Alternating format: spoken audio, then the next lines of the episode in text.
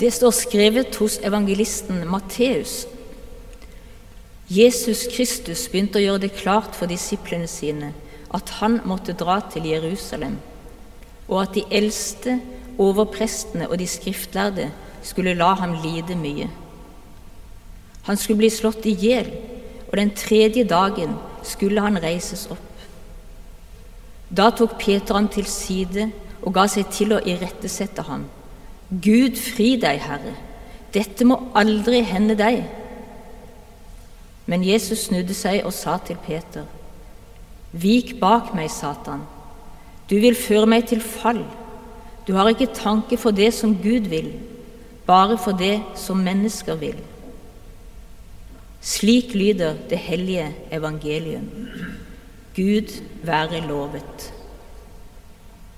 Dagens evangeliefortelling har fått meg til å huske et bilde av Theodor Kittelsen som jeg måtte stoppe opp ved på Blåfarveverket for mange år siden. Det har perspektiv innenfra en mørk hule, og mellom huleåpningen, som er synlig, og oss ligger en diger og fryktinngytende drage. Bildet har da også fått navnet Dragen. Den gangen ga bildet meg håp i en vanskelig periode. Det var lyset fra åpningen som berørte meg. For noen av oss gir Kittelsens bilde i dag kanskje andre assosiasjoner. Vi befinner oss i det som virker som en endeløs pandemi. Livet kan kjennes mørkt og innestengt og når truende og ukontrollerbart knuger oss så lyset i enden av hula virker uoppnåelig. Det kan kjennes som livet lukker seg til med de strenge koronatiltakene. Og ikke nok med det. Når samfunnet i nesten ett år har levd i en kollektiv faste, skal nå den kirkelige fastetid bare skru livet enda mer til for oss. Jeg tror ikke det trenger å være sånn. I dag vil jeg prøve å lese bibelfortellingen inn i Kittelsens bilde. Jeg ser for meg at Jesus står sammen med disiplene innerst i den mørke hulen. Han forteller at han må gå i møte med dragen og bli nedkjempa for å fullføre sin oppgave. Det skal ende med at han vinner til slutt og kommer seg ut av hulen til lyset og det gode livet. Men det virker som disiplene ikke enser antydningen om lyset på den andre sida. De har hørt om dragen og har begynt å fokusere der. Peter, som like før har bekjent at Jesus er Messias og fått navnet Klippen, er den som griper ordet. Det som vi hører bøygen i Per Gynt, gå utenom, du må ikke betale denne prisen. Velg minste motstands vei. Peter var redd for å miste det han hadde. Fellesskapet, friheten, gleden og verdigheten han hadde erfart sammen med Jesus. Det var sikkert også en form for omsorg hos Peter. Han ville skåne sin venn for lidelse og død. Men hvorfor reagerte Jesus så sterkt? Vik bak meg, Satan. Peter vil jo beskytte. For oss er det tydelig at det ikke er personen Peter som er Satan. Jesus var nok tilbake i ørkenen da fortellingene sier at han ble satt på hard prøve av nettopp Satan. Bruk din makt, knus all motstand Gjør deg fri. Gå din egen vei. Du klarer deg fint uten Gud. Kjente Jesus en reell fristelse til å vrake den veien han visste han måtte gå, om han skulle være tro mot seg sjøl? Den galileiske krise blir den erfaringen gjerne kalt. Jesus og disiplene hadde vandret rundt i Galilea, nord i landet. Jesus hadde trøsta mange, gjort syke friske, holdt inspirerende taler, gjort vann til vin og gått på vannet. Nå må han sette kursen sørover, mot Jerusalem. Han måtte dra. Dette lille ordet 'måtte', eller 'dei' på gresk, er et sterkt uttrykk for noe som med nødvendighet må skje. Det kunne oppleves som en krise, både for Jesus og disiplene, men den måtte gjennomleves om han skulle følge Guds vilje. For han visste at det ikke bare var folket på landsbygda i Galilea han var sendt til. Nei, han skulle utfordre de skriftlærde og makthaverne i Jerusalem. De som ville definere virkeligheten på egne premisser, og som holdt mennesker nede. Rettferdigheten skulle seire over uretten.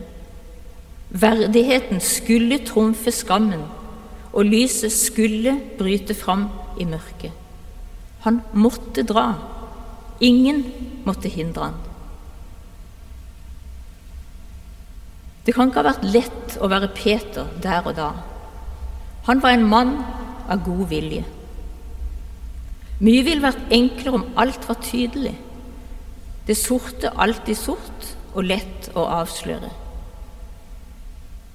Men gjennom både Peter og oss går det strømninger ingen av oss kan få helt oversikten over. Peter så nok ikke dragen så tydelig som på kittelsens bilde, og hulåpningen var blitt tilsløra.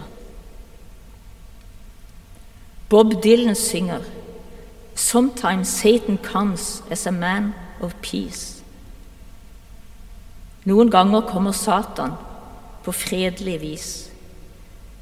Bob Dylan skrev den i kampen mot Ku Klux Klan på 1960-tallet og den er like aktuell i vår verden i dag. Den maner til våkenhet. Det er mye som dekker seg bak hvite forkledninger og kristne talemåter, som kan være destruktivt. Tenk bare tilbake på beltespennene til tyske soldater under andre verdenskrig. Der sto det 'Godt mitt ons, Gud med oss'. Vi trenger å oppøve dømmekraften i alt som skjer. Hvilke valg styrker fellesskapet? Ikke bare det norske, men det globale. Og hva er det som verner vår egen og andres verdighet og integritet? Hva er det som bidrar til glede og livsmot på lengre sikt? Kanskje kan denne fastetida bidra til besinnelse på hva som er verdt å holde fast på, og hva som kan hindre det gode livet i å utfolde seg. Hva er det vi som fellesskap med nødvendighet bare må i denne tiden? Og hva er det du bare må for å være tro mot deg sjøl og fellesskapet? Hva er det umistelige i livet ditt? Og hva er det som vil sette en stopper for det? Svarene gir seg ikke alltid sjøl. Vi inviteres til å reflektere i lyset fra livet. Det var vel dette lyset Peter ikke ensa, og som vi lett mister av syne. Tilbake til teksten og til kittelsens bilde. Jesus sier at han skal slås i hjel, men også at han den tredje dagen skal reises opp igjen. Han ga et tydelig signal om at dragen og døden ikke skulle få siste ordet. Det skulle bli lyst i graven. Åpningen i den mørke hulen finnes. Men Peter oppfatta det ikke. Han så ikke lyset fra åpningen. Når vi i ukene framover skal følge Jesu vandring til Jerusalem, følger vi den fra en annen synsvinkel enn disiplene. Vi følger den i lyset fra Jesu oppstandelse og seier over dødskreftene. Vi er ikke overgitt i pandemiens eller ondskapens vold. Det kommer fortsatt krevende tider, ja, men i vår nedstengthet og innestengthet har Gud åpna opp og invitert oss ut i sin usynlige virkelighet. den er ikke et annet sted, men her hos oss. Gud er nær med sitt lys og sin livskraft der vi er nå. Min erfaring er at fristelsene ofte utgir seg for å representere virkeligheten, det vi kan se og kjenne. Så det som har med Gud å gjøre, blir fjernt og uvirkelig. Men Kirkens tro innebærer at Guds usynlige nærvær gjennomstrømmer vår virkelighet. F.eks. gjennom andre menneskers godhet men også som indre berøring til trøst og håp når vi er alene, eller bare som dyp tillit. Kanskje kommer berøringen gjennom naturopplevelser, litteratur eller musikk. Ofte som motivasjon til å vende blikket utover mot de andre i bønn og arbeid. Guds nærvær kan ingen av oss karre til seg eller fortjene. Det er gitt oss. Det bare er der, som en gave. Ære være Faderen og Sønnen og Den hellige ånd, som var, er og være skal, en sann Gud, fra evighet og til evighet. Amen.